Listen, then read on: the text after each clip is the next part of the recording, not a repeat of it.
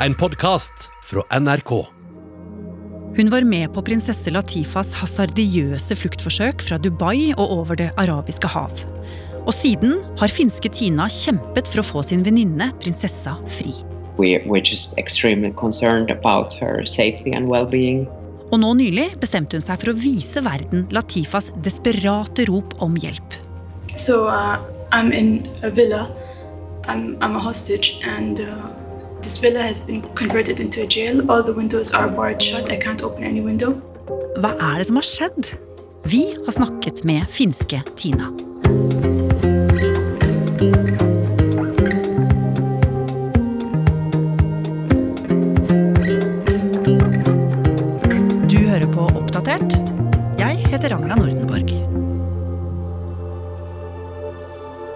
Kveld i forrige uke publiserte BBC flere ganske sjokkerende videoer av prinsesse Latifa i Dubai. Eh, Og i de her videoene så forteller prinsessa at hun blir holdt innesperra. Og at det er faren hennes, den mektige sjeik Maktoum, som står bak. Irina Kjelle er journalist i Oppdatert. Og det her var jo første gang på tre år at eh, verden fikk se noe til prinsessa. Og de her videoene de har jo da fått voldsom oppmerksomhet, fordi det hun forteller, er jo rett og slett at hun blir holdt som gissel. Hun hevder at sikkerhetsfolk står vakt inne og utafor villaen, og hun frykter rett og slett for sitt eget liv. Every day I am worried about my safety and my life. Um, don't really know if I'm going to survive the situation.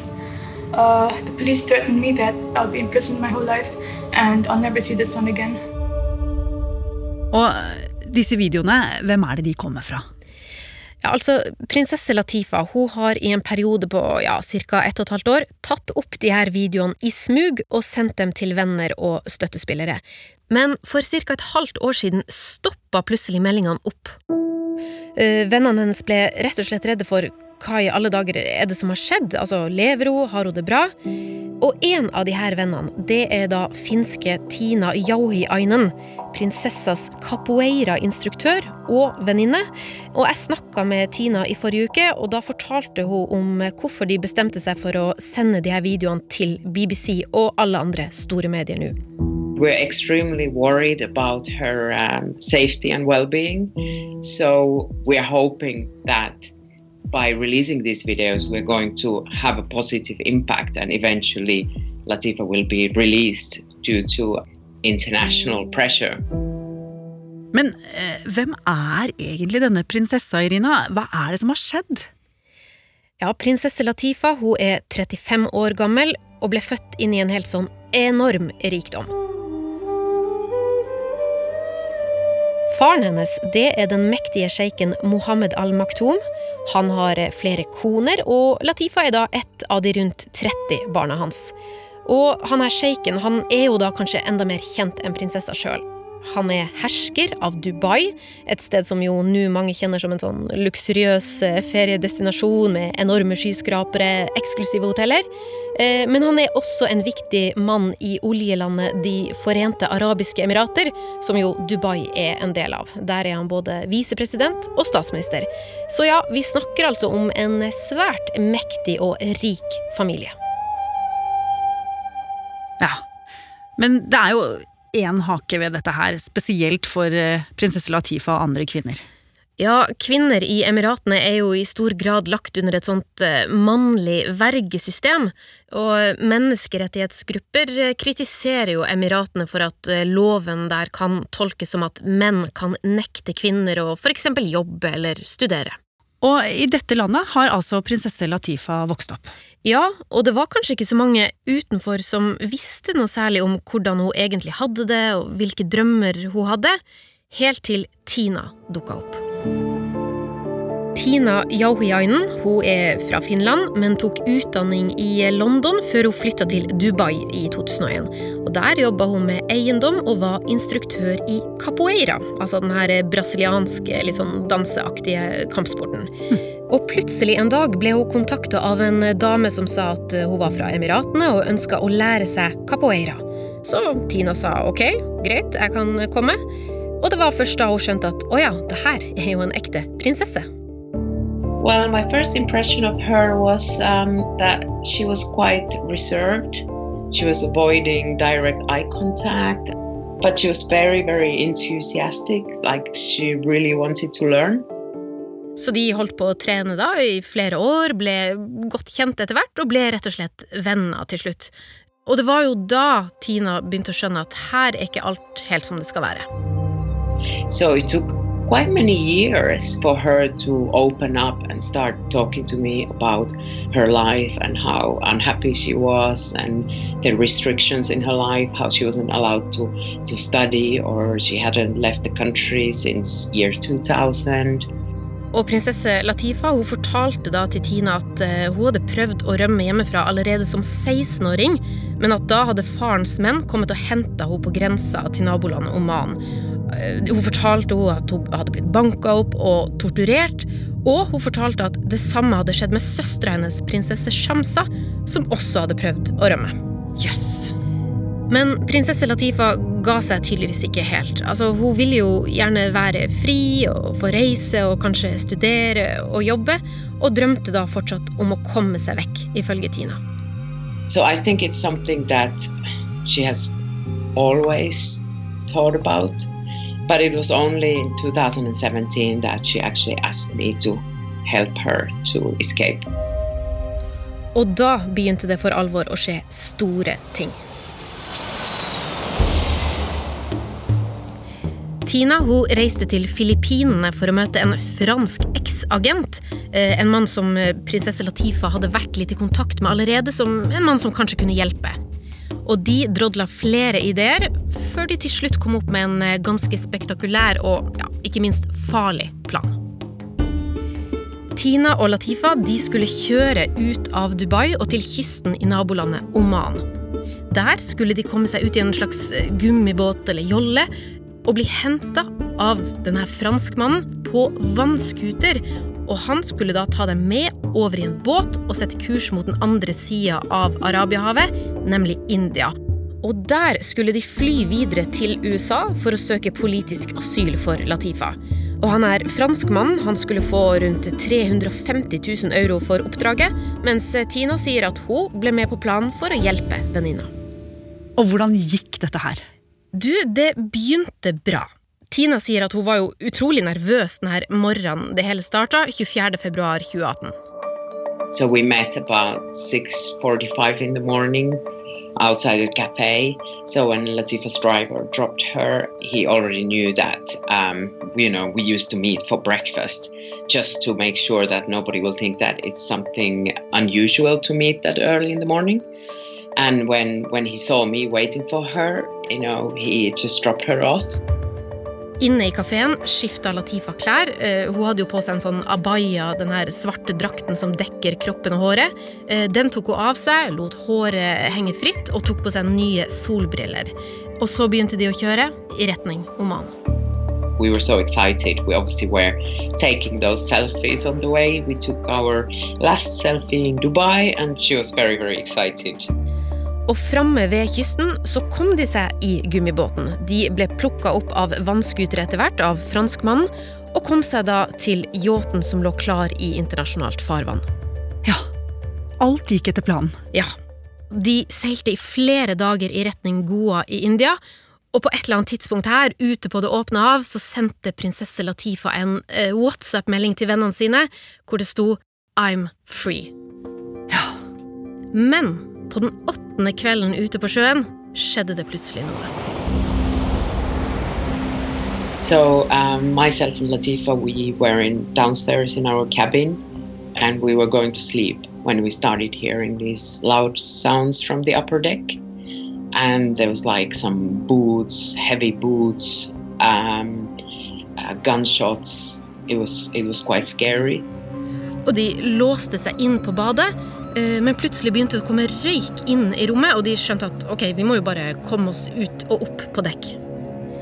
Og der oppe på dekk sto det, ifølge Tina, indiske soldater og sikta rett på dem med maskingevær. I was basically pushed on the floor, and my hands were tied behind my back. And I noticed that there was a pond of blood next to my head. So it was extremely scary. I thought they had already killed someone. And they told me to not to move, or they were threatening to shoot me, basically. Så ble Tina eh, dratt med til den andre sida av båten, eh, forteller hun. Eh, der lå Latifa med hendene bundet på ryggen, og Tina la merke til at mannen som holdt vakt over det hele, han snakka arabisk, og over dem fløy det et helikopter. Og Tina skjønte at ok, de her folkene de har tenkt å ta med Latifa ut av båten og over i et indisk kystvaktskip hun ser ligge lenger unna. She was trapped off the boat. Um, I couldn't do anything. And she was kicking and screaming and telling them not to take her, that she's seeking for political asylum. But she was completely ignored. And that's the last time I've seen Latifa. Dette her er jo superdramatisk. Hva var det som skjedde videre? Atina sier at hun på dette tidspunktet ikke ante hva de gjorde med Latifa. Eh, Sjøl ble hun tvunget tilbake til De forente arabiske emirater eh, på båt, og da Tina kom fram, ble hun fengsla. Ja. Og så dukka det opp en video. Hello, my name is Latifa Al Maktoum. I was born on December 5, 1985. Um, and I'm making this video because it could be the last video I make. Og denne videoen det var jo en del av en backup-plan som de hadde lagt på forhånd. En video som skulle publiseres dersom fluktforsøket gikk galt. Og håpet var at videoen kunne hjelpe dem hvis de ble tatt til fange.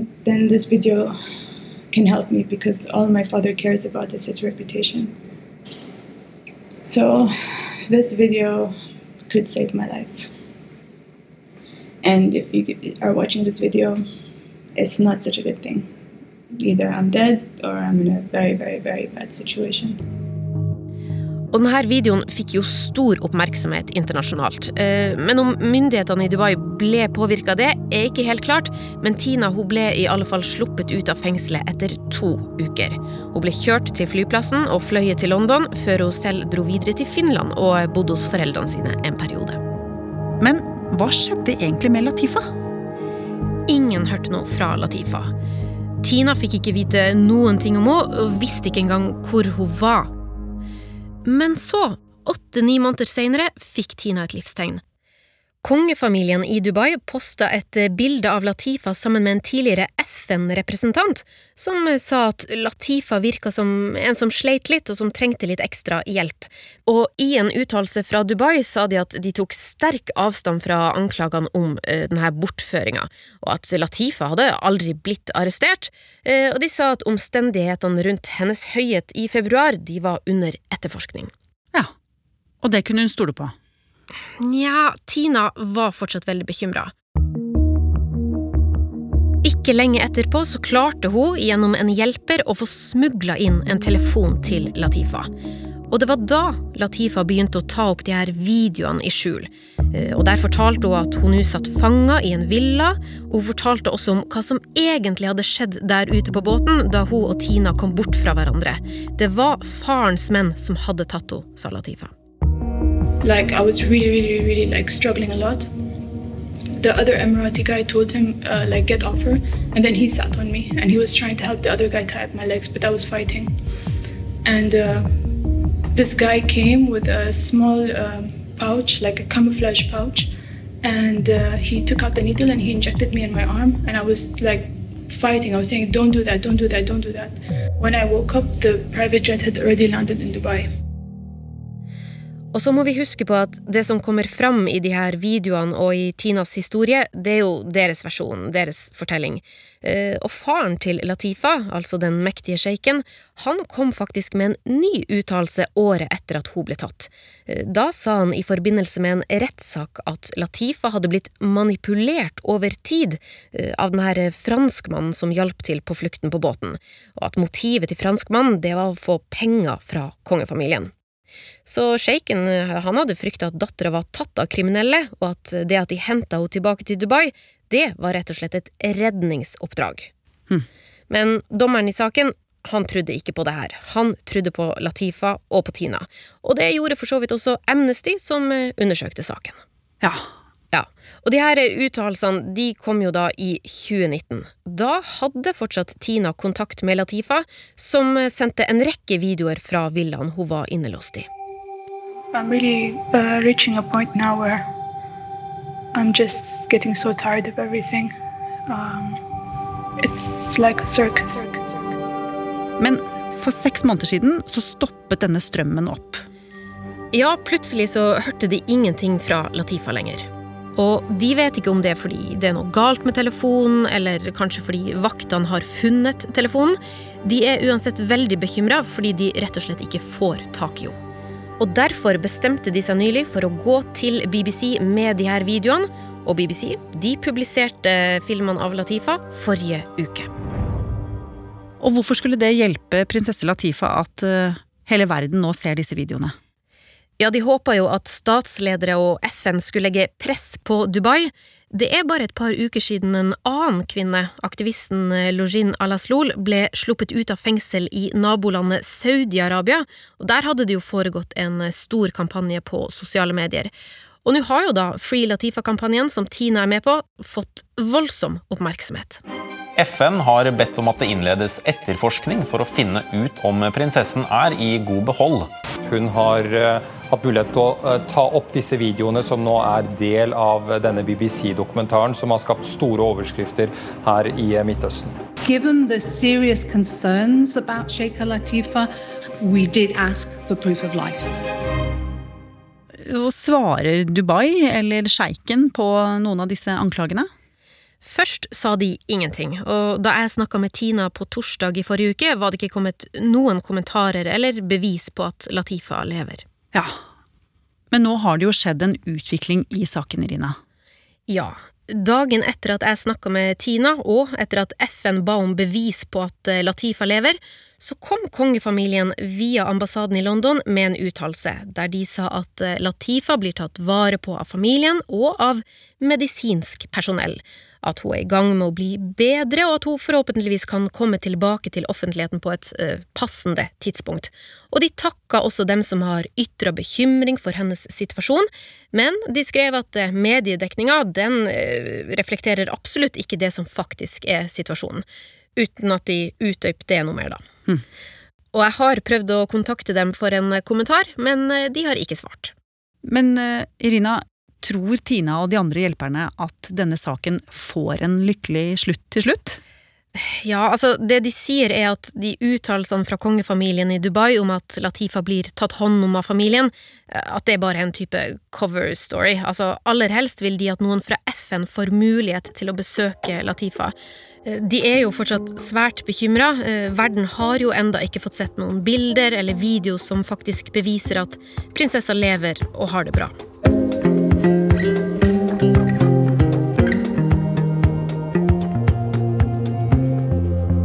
Har du lyst til å bli fast lytter av oss i Oppdatert og få påminnelse om nye episoder, så er det bare å abonnere på oss i NRK radioappen.